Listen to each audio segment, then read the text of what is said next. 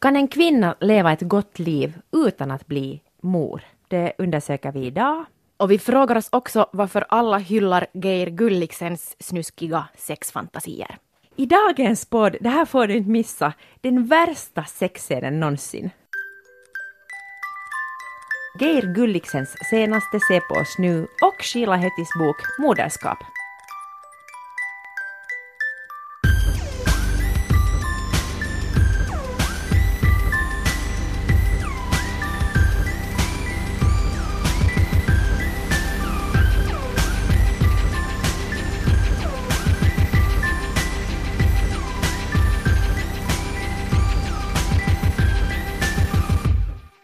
Okej, bandningen är igång. Vi har två böcker vi ska prata om idag. Vi sparar Sheila Heti till slutet, moderskap. Och så börjar vi med Geir Gulliksens Se på oss nu.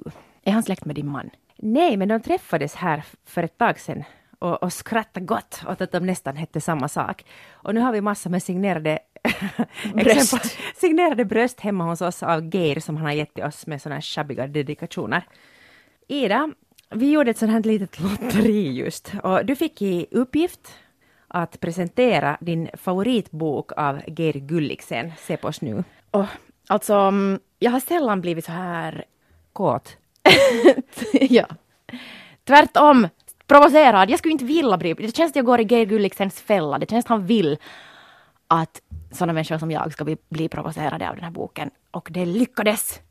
Fan också. Vad fals? Vad, vad är det där? Nå, handlingen i korthet. Den handlar om Hans som är 50 år, eh, är lyckligt gift sedan tusen år tillbaka. Ehm, och så träffar han Harriet som är ungefär 25 och har en liten två månader gammal bebis. Alltså hon har just fött barn och hon är också tillsammans med barnets pappa. Eh, och de träffas, okej okay, första scenen är jättefin, de träffas på ett bröllop. Och det är så att Hans ser alltså en videoinspelning från det här bröllopet och han tittar på sig själv liksom utifrån och ser sin egen blick på Harriet. Och han är egentligen inte intresserad av henne, men, men det är ändå någonting som drar honom till henne. Och det är jättesnyggt det här, den här inledningen, hur, man, hur han ser på sig själv utifrån och man ser, som läsare ser på honom, ser på sig själv. Nå, på det här bröllopet, de sitter bredvid varandra och av någon anledning hamnar de, det är ett lite tråkigt tal i något skede och de hamnar uh, utanför den här festlokalen eller in på en uh, Inva-WC och Harriet då som har lämnat sin två månader gamla bebis hemma med en babysitter för första gången. Trots att vi lever på 2010-talet så har hon inte hört talas om um, att man kan få mjölkstockning i brösten om man ammar och sen plötsligt är en längre stund utan att amma. Uh, så hon ber om hjälp av den här Hans som då är pappa till flera barn. Och, och han har koll på det här att jo, jo, att när han först säger att du måste akta att du inte får uh, bröstinflammation, att dina bröst inte börjar frysa. Och sen okej, okay, men du har kanske mjölkstockning. Och hur det nu sen händer så plötsligt är han där och börjar liksom handpumpa hennes bröst för att hon Mukamas inte kan göra det själv för att hon vet inte hur man gör. Är det inte jättefräscht att, att hon är så obrydd i det här moderskapet? Att... Kämpar du? Nej, men, nej, men bra argument, okej. Okay. Ja. Uh, svar nej. Det är superofräscht. Alltså jag förstår att han har försökt liksom maskera sina uh, personliga amningsfantasier genom att skapa en sån här karaktär som på något sätt skulle vara så ointresserad av mammarollen att hon inte ens har tagit reda på att man kan få mjölkstockning. Men alltså, det går inte bara ihop. No, men kan man se det så här att det är ju härligt att han dyrkar den där mamman och, och det där mjölk... Förlåt att jag skrattar därför för att jag lyssnar på det här som ljudbok och jag är inte jättekänslig av mig, men det var någonting i mig som fick mig att må så dåligt.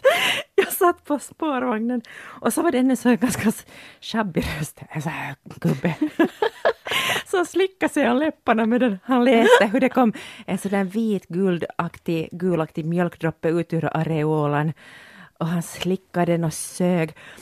Oh, och så här läste han... Alltså jag måste, jag måste läsa det här meddelandet som du skickade åt mig medan du lyssnar. Jag, jag, jag mådde nog verkligen illa av det här. nu kan jag skratta åt det men det var gripande scen. Känns lite som att ha en gubbes slappa kön i facet. Han växte, han kände det i byxorna. Det var lite sjabbigt då den här äh, äldre mannen då började, det kommer flera gånger att hur han suger i de här brösten och ammar den här mjölken ut. Ja, ja, alltså sen inleder de ett förhållande och, och liksom deras sex går ut på att han ammar. Ja, och jag försökte tycka att det var fräscht, men jag tyckte inte just den detaljen. Att alltså så... nu kan man ju, liksom, man kan ju tycka om, man kan ju göra vad man vill. Ja. Uh, och det är ju inte det som är problemet här, utan det att måste man fucking skriva en roman om det? Men det är ju bara enstaka scener. Men det, det är ju det som är den röda tråden. nej, nej, han har mycket... Läste du sluten? Det återkommer ju här i slutet sen när han sköter om den där bebin. Ja. Och så går han in på något café och oj nej, han har glömt att ta med ersättning. Mm -hmm. Nå, sen är det någon annan mamma som ammar sitt eget barn och hon är sådär, men jag kan också amma den här bebin. Och igen sexualiserar han där någon okänd kvinnas bröst medan hon ammar. Alltså får man inte ha någonting i fred utan att det blir sexualiserat av män? Det finns inget sexigt med am... Alltså jag som en ammande kvinna blir helt personligen kränkt av det här. Om man, ja, om man har mjölkstockning så gör det helt fucking ont. Det finns ingenting sexigt med det. Uh, låt det vara i liksom hela den här debatten om att amma i offentligheten och lala, det blir nog inte bättre av det här att någon gubbe står där och kikar. Ja, det får man inte göra. Jag fick kanske lite obehag för den här huvudpersonen Hans, så han är då, han känns inte på något sätt fräsch och, och hur han då hela tiden upphetsas då av Harriets bröst och sådär. Det kändes jätte, jag började må illa över honom, men sen fick jag det jätte, jättedåligt samvete. Att här har ju Gate Gulliksen då försökt beskriva på ett annat och lite mer känsligt sätt en gammal gubbes fantasier. Och så tänkte jag så att nu måste ju också de här gubbarna få ha sina fantasier. Och, och moderskapet, vet du, det här är ett steg att gå bort från det där hora Madonna. Uh, att, att man gör det lite mer flytande. Tycker att Madonnan kan också vara en hora och horan kan vara... Men det är ju just att manifestera det. Att, att den här amningsfetischen på något sätt... Alltså klart att gamla gubbar får ha sina, eller no, inte, 50 år är ju inte ens någon gammal gubb. Liksom, han skulle ju kunna vara, jag menar jag, jag förstår helt bra att man som 25-åring skulle kunna ha ett förhållande med en 50-årig man. Det är inte det. Men det är den här objektifieringen av de här brösten. Liksom. Och det får, det får man ju också göra och man får också skriva en bok om det. Men då har jag också rätt att i den här podden ställa mig superkritisk till det. Men jag tycker igen att, att Geri försöker ändå, han beskriver hemskt mycket hur han tittar då på kvinnor, men också på sig själv och att han försöker att inte bara vara objektifierande, att han försöker också, han kommenterar hemskt mycket Harriets personlighet och vad hon säger, han vill diskutera med henne, han älskar att prata med henne. Och det har vi ju alltid efterlyst, eller hur? Män som ställer frågor istället för att ha monologer. Liksom bara för att man gör the bare minimum så får man inte men, något pris. Men alltså, uh, jag tycker tvärtom att, det, att, ha, att, ha, att Harriet är inte en trovärdig karaktär. Jag lyssnar på Mellan raderna podden där Peppe Öhman och Karin Gide pratar om litteratur och de, de var skeptiska till att, att hur kan det finnas en kvinna som, som vet så här lite om amning, att A. internet, B. om man har fött det där barnet på ett sjukhus så kan man inte undgå att någon berättar de här grejerna. Liksom i ett så ändå välfärdssamhälle som Norge så skulle det vara helt omöjligt att vara omedveten om de här, fast man är hur ointresserad av moderskap, men om du ändå har, har ett barn, så hur kan du inte veta No, Harriet är en mycket, mycket speciell person. Alltså hon, hon tänker på helt andra saker. Plus att det här är ju Hans beskrivning av Harriet och han återger vad hon sa just i den här scenen. Så han kanske mm. en opålitlig berättare. No, mm. Nej men okej, okay, det, det, det, här är det säkert lite. Här kunde man haft kanske någon... Sexistisk berättare. Men, och det får man vara liksom, det är helt fine men, men det här är...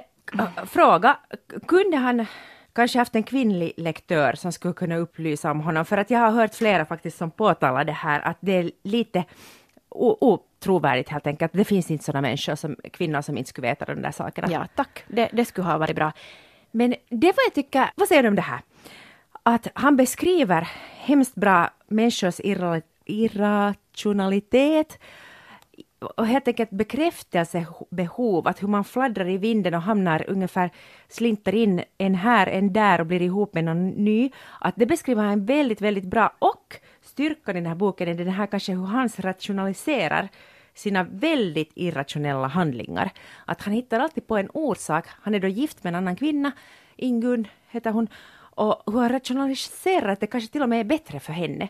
Och jag har inte ännu själv varit otrogen någonsin, men jag kan föreställa mig, jag har gjort andra onda gärningar i smyg, och jag kan föreställa mig hur man, eller jag känner till det där hur man rationaliserar att det var man har gjort, varför det inte var fel. Man vet att det på ett annat plan, moraliskt plan, är det fel för alla, men för en själv så var det inte fel i den stunden för att bla bla bla, bla bla bla. Och till slut slutar man fred med den här handlingen. Och det här tycker jag syns jätteskickligt i den här boken. Det är sant. Just det där att om, men om det är någonting som gör mig lycklig och får mig att må så här bra, så då är det ju bra för min fru också. Och, la, la, la. och, och han har ju nog fått in det där um, att han njuter jättemycket av den här affären och den där liksom mannens njutning um, på bekostnad av att kvinnan då blir objektifierad. Men jag läste Jens Liljestrands recension av den här i är det nu Expressen han skriver för, som menar att det här är liksom stor litteratur just på grund av att äh, G. Gulliksen har tagit fasta på det här, det här njutningsfulla. Malte Persson skrev i, i fjol också i Expressen om, om liksom att det finns en trend där speciellt unga kvinnliga författare har vad han kallar för desillusionerade sexskildringar. Alltså att han var störd på att det bara finns skitsex i litteraturen för tillfället. Och då tyckte nu eh, Jens Liljestrand att, att yes, att nu har Geir Gulliksen vänt den här trenden eftersom han skriver om njutningsfullt sex. Men det på något sätt befäster ju bara det här att kvinnor så ofta har skitsex och män inte ens fattar det. Geir Gulliksens roman är totalt fiktion och liksom fantasi och påhitt. No, det är hans sida av saken, men kan man tänka sig att han, han är, kallar sig feminist och han har faktiskt försökt sätta sig in i det här. Alltså han vill ju inte, han mår själv illa av sina lustar. Han skulle inte vilja vara den här objektifierande, exploaterande. Han mår hemskt illa av det. En jätte, jätterolig scen i den här boken. Jag måste säga att det här var otroligt rolig bok. Alltså fantastisk samhällssatir. Jag vet inte om den är menad som det, men antagligen. Så det här är på 70-talet då som Hans läser om pornografi. Och uh, han är då med i en grupp som fördömer pornografi och man lär sig hur det exploaterar och utnyttjar kvinnan. Men sen i den här artikeln så finns det en så sexig bild att han inte kan låta bli att njuta av den här bilden. Och det här illamående och ensamheten. inte skratta nu, det här är allvar. Han mår så illa över sig själv efteråt och det är så dubbelt för att han på riktigt är emot pornografi. Men nåja, sen hittar han på egna regler för sig själv. Men han ser ju själv hur skamligt det är. Ja, ja, buhu. Men jag vet inte hur jag ska förklara det, men det är inte liksom den där hela sexualiseringen och objektifieringen i sig som jag stör mig på. Det är helt fine. Man får ha vad man vill för, eller man får ju också, man får ju skriva om vad som helst. Man får göra konst om vad som helst, men ah, jag blir bara så matt. Jag förstår att den här bröstamningsscenen, att det, den, den var kanske helt botten. Men vad, vad är det annat som får det Ja, det här objektifierande, det är det du... Nej, säg att Ja, mig. men mest att det är bara att det är så icke trovärdigt att, att de här kvinnliga, den här Harriet, blir så orealistisk. Var det i förra avsnittet när vi pratade om mördarens mamma så fråga, ställde du mig den retoriska frågan att, att måste det vara trovärdigt? Ah. Voj, voj. No, inte måste, nej, nej, och jag säger ju hela tiden, alla får skriva vad de vill. Men, men jag googlade lite sådär på att vad, uh, vad bröstmjölk eller ammande har för symbolik, symbolik. Och det kom upp olika sådana här drömtydningssidor. Och uh, en var att breastfeeding dreams reflect dependence and emotional neediness. Och det beskriver ju den här karaktären Hans ganska bra. Att han är ju emotionellt liksom en bebis. Vilka, vilka jättemånga heterosexuella män är.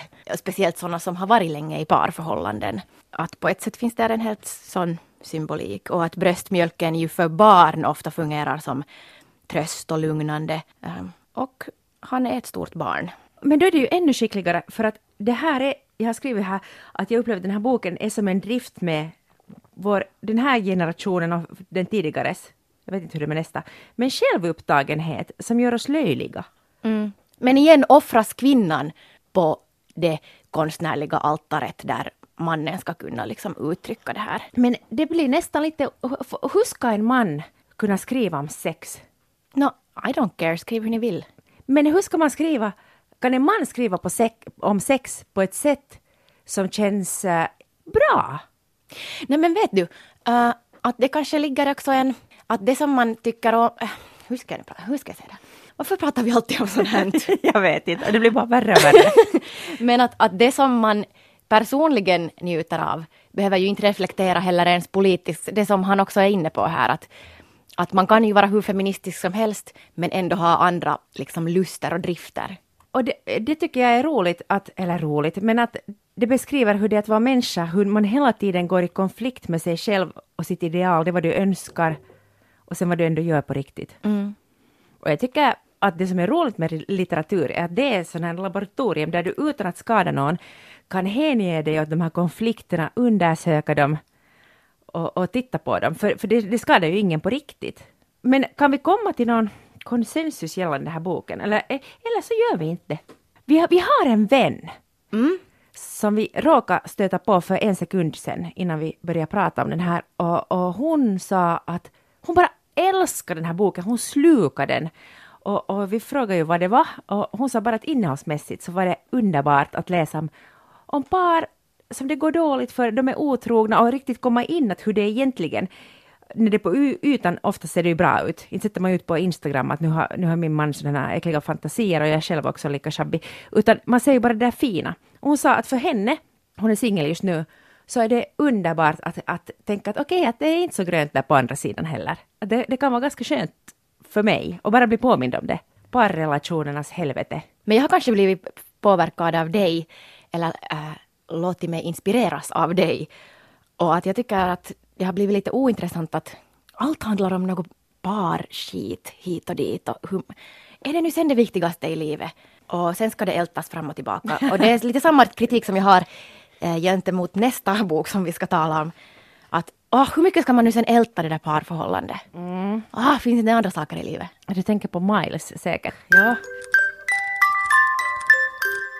Nu går vi över till Sheila Hettys moderskap. Och den är väldigt lockande att läsa eftersom det finns genast en blurb eller blurbar av väldigt många författare som jag beundrar. Rachel Cusk till exempel tycker att den här är en uppenbarelse, en stark provokation. Och, och den här boken handlar om en kvinna, icke namngiven, men, men det är hemskt svårt att inte läsa det som Sheila Hetty själv, trots att det står roman på pärmen. Det här är mycket stora problem med att det står roman. Den här kvinnan funderar på det att vill hon ha barn eller inte och hon vet inte. Och den här boken har kommit fram under sju år medan den här författaren själv har funderat på att vill hon ha barn eller inte. Och hon börjar tänka på det i början av 30-årsåldern och eh, är närmare 40 när hon avslutar den här boken. Och hon kommer fram till det att hon, hon kan inte komma fram till något annat om hon inte skriver om det. Och sen har hon en ganska intressant metod som hon har tagit från 3000 år gammal kinesisk eh, bok som heter I Ching. Och den här tekniken går ut på det att du antingen har sådana här rödleka skälkar eller sen har du pengar. Så hon, hon tar den här Aiching Ching som ett redskap för att komma vidare i sin berättelse. Hon ställer stora, stora eh, livsfrågor. Att helt enkelt att äh, är livet värt att leva utan barn? Kan vara en fråga. Och då kommer det ett ja eller ett nej. Och hon har liksom förenklat den här Aiching, Ching, att hon använder faktiskt bara ett mynt och jo, ja, nej. Och sen så står det också att, all, att hon har faktiskt gjort det här kring alla frågor. Det är många, många, många frågor av boken igenom. Att hon har gjort det varje gång på riktigt, att det inte är påhittat. Samtidigt som det står att det är en roman. Mycket störande. Kan vi låtsas att det är Sheila Hetty som skriver om sig själv? För att annars får jag hemskt svårt att prata om den här. Alltså man måste ju nästan göra det. Ja, hon har själv sagt att mycket av det här det är nog hon själv, men att de där människorna runt omkring henne, så de hon har gjort dem mer skarpa och provokativa för att få fram sin diskussion, nämligen vad är en kvinna utan barn? Vad, vad är en kvinna som inte föder barn? Och i den här, medan hon skriver den här så hon enligt mig ett mycket, mycket privilegierat tillstånd. Hon har hem, nämligen möjlighet, hon har en man som älskar henne och är med på allt. Ja, nej, allt duger. Miles och, och sen så är hon ännu i fruktbar ålder. Förmodligen, alltså, jag vet inte om hon har gjort undersökning, men hon utgår från att hon kan få barn och troligen, ja, ja det vet man inte. Det är åtminstone ingen svårighet för henne. Så tänkte jag själv först att, att det här kan bli lite heavy för mig att läsa, för att jag är i det tillståndet att jag inte är ofrivilligt, nej vet nu vad heter det, jag är ofrivilligt barnlös är jag själv då. Och så tänkte jag, men jag, hur ska jag orka med, höra på en sån här ung kvinnas, i mina ögon, gnäll att ska jag nu skaffa eller ska jag inte. Tills jag kom på att jag ju själv var i den situationen innan jag blev 34, 33 kanske. Så visste jag inte själv. Och jag funderade på den här saken och så kom jag ihåg att inte kändes det något jätteprivilegierat då att fundera på de här sakerna. Att de var ganska jobbiga. Sen kom en annan fas med många, många år av försök och IVF och bli bla. Och då, ja, vad ska jag komma fram till? Jag är nu liksom över på andra sidan och nu blir det lättare för mig att prata om det här. Av den enkla anledningen, och det här låter helt, och det här är så sorgligt, men den enkla anledningen att de här, när jag, de som visste om det tidigare, så kom ofta med sån av välmening och kärlek, kommer med goda tips och råd till mig. Och, och de var så jobbiga att jag bestämde att jag, jag kan inte nu prata om det här. Ja, liksom att de ville nu ge på något sätt hopp eller Jo, och de sa alltid, jag vet, jag känner på mig att nästa gång kommer det lyckas. I sitt oroa dig. Och, och det här är ju bara kärlek, av kärlek som folk sa det. Och, och jag blev alltid så väldigt ledsen för jag tänkte att hur vet de att det kommer att gå bra? Alltså hur kan de veta det? Och då, det kändes som att de tog inte min sorgsenhet och oro på allvar. Och jag har så lust att gå till de här människorna och säga att nej men var tycker ni att mitt barn är nu som du drömde i natt att jag skulle få? Men det är ju bara fräckt, för de menar bara gott. Alla menar bara gott. No, men men hur, hur känns det nu när du läste den här? För jag var lite orolig att kan vi läsa eller vågar jag ge den här boken åt dig, eller ka- kan vi prata om den? Men hur, var, hur var det att läsa den nu? Nå, det vet du att det är så konstigt, det går ju fram och tillbaks, men jag tror att på något sätt att min ålder och det där att min fertila ålder nu är förbi, så hormonellt reagerar jag inte på samma sätt som jag skulle gjort annars. Att den här berör, det är kanske också en negativ kritik till den här, för den berörde inte riktigt mig känslomässigt. Det verkar som att det här jaget var en sån annan fas av sitt liv. Och hon var liksom på andra sidan sorgen, vet du, där innan, att jag hade inte, jag kunde inte kommunicera med henne på något sätt. Det var någonting med den här personen som var motsatsen till likable. Hon verkar så extremt självupptagen. Men med det sagt så tycker jag att det är jättevik- en jätteviktig bok, viktiga frågor. Jag tycker om att hon går till grunden med de här frågorna och att vi måste prata mycket mer om det här. Jag hade bara kanske problem med hela den här grundfrågeställningen att är det okej att inte skaffa barn? Eller på något sätt som om att skaffa barn är det självklara och det är ju normen absolut. Men att det på något sätt framställs som själviskt att inte vilja ha barn och att hon har problem med det och vem är man om man inte skaffar barn? Medan är inte det nu det mest själviska man kan göra, att skaffa barn? Och inte att avstå från att skaffa barn.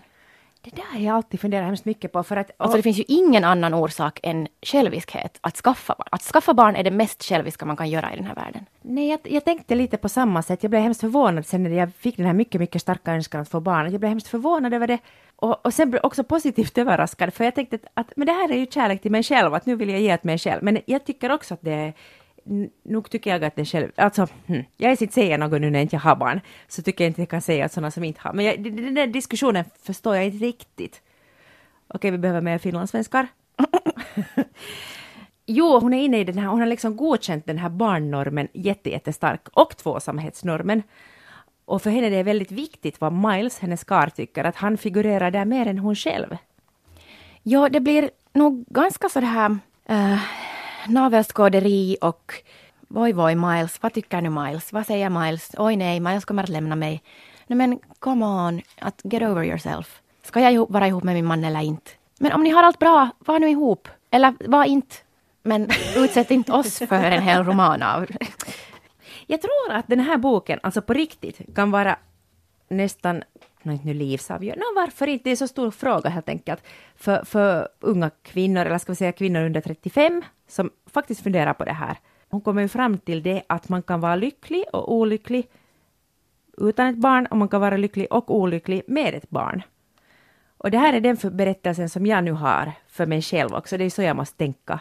Det blir också lätt att hamna in i någon sån där tycka synd om eller något sånt. Och det är ju jättehemskt. Ja. Att man börjar liksom... Jo, men vet du vad? Att jag vill att alla ska tycka synd om mig. Det har, eller kanske inte numera, men det har ju varit jättesynd om mig. Men det, är, det har ju. Jo, och jag tycker alltså... Men Ja, men sen är det ju det att då är jag inte så nöjd hur folk då hjälper mig. Ja, det går nog bra sen. Det är Guds mening. Men jag har haft det, alltså jag har haft så otroligt tur för att Alltså jag på riktigt, om det här måste hända åt någon, vilket det måste, och det kommer att bli allt flera barnlösa i framtiden, så, så jag är glad att det hände åt mig, för att jag har aldrig haft den här moderskapsdrömmen. Jag har inte ens haft någon tvås, vad heter det, tvåsamhetsdröm. Jag har aldrig haft den. Det var bara så att, att det råkade sig att jag träffa en man vars högsta dröm var att få en baby, och det var med honom jag ville ha den. Så på det sättet är jag oerhört tacksam att det här är inte, det här är bara liksom några år av mitt liv, och nu får jag hitta på ett nytt liv. Det är lite jobbigt att hitta på en livsmening, för att jag inbillar mig att om du har ett barn så har du åtminstone du har en orsak till att stiga upp varje morgon, vare sig du vill eller inte. Och det tycker jag är fint.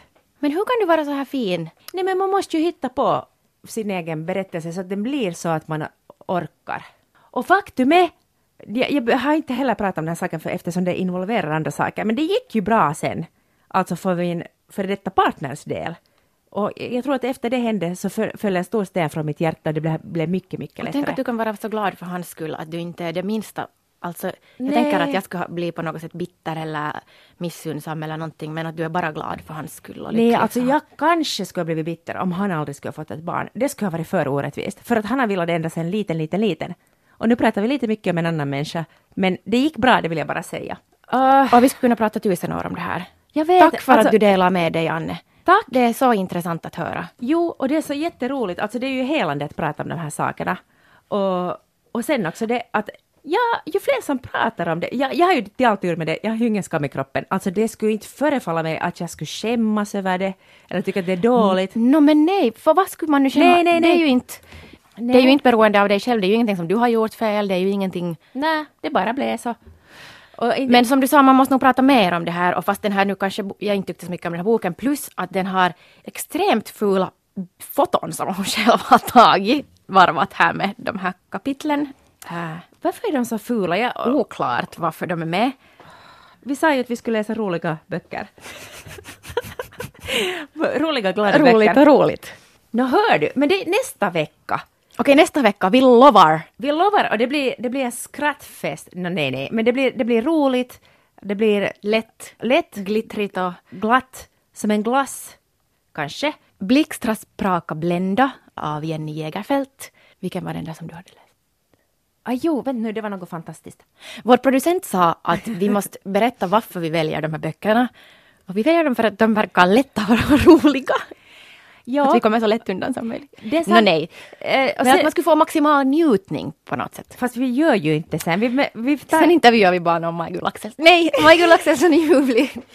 Nej, men, men kanske inte feelgood. Alltså det är, någon, det är faktiskt en relevant fråga att av alla miljoner böcker som pumpas ut, varför tar vi just de som kommer? För vi får, får ganska mycket skickat hit, det är inte så att vi bara pratar om de som vi får skickade.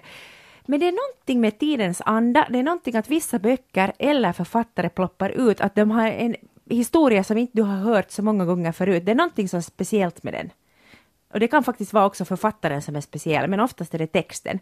Och det är svårt att sätta fingret på det. Men till exempel idag så den här moderskap Sheila Hetty, inte ville jag nu egentligen läsa den här boken, jag ska vara helt ärlig. Men... Ja, varför går man sen dit där det lite gör ont? Ja, det är väl det vi vill göra. För att det är där det gör ont så kan man på något sätt diskutera och helas. Ah, varför läste vi Geir Gulliksen? Okej, okay, jag kan säga. Ja. PGA Knausgård. Han ja, är ju ja, Knausgårds ja. Äh, redaktör. Eller har varit, eller ej. Uh, svårt att säga. Han tyckte för, förresten att det blev, var helt förfärligt att ha blivit omskriven hos Knausgård. Så varför hämnas han inte och skriver om Knausgård istället?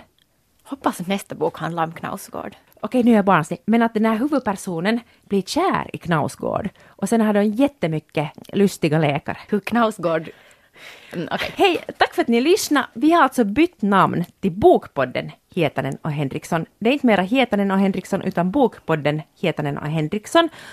Till Just det, så om ni lyssnar på oss på eh, någon annan podcastplattform än arenan så måste ni gå och prenumerera på den här nya podden, alltså Bokpodden Hietanen Henriksson. Och det är helt livsviktigt att ni gör det. Vår producent som vi älskar heter Basse Bergholm. Uh, den här jingeln är gjord av Henrik Heselius och våra fantastiska foton har Björn Karlsson tagit. Nytt avsnitt, äh, nytt avsnitt nästa vecka på arenan klockan sju ungefär. Eller nio. På söndag i alla fall, nytt avsnitt.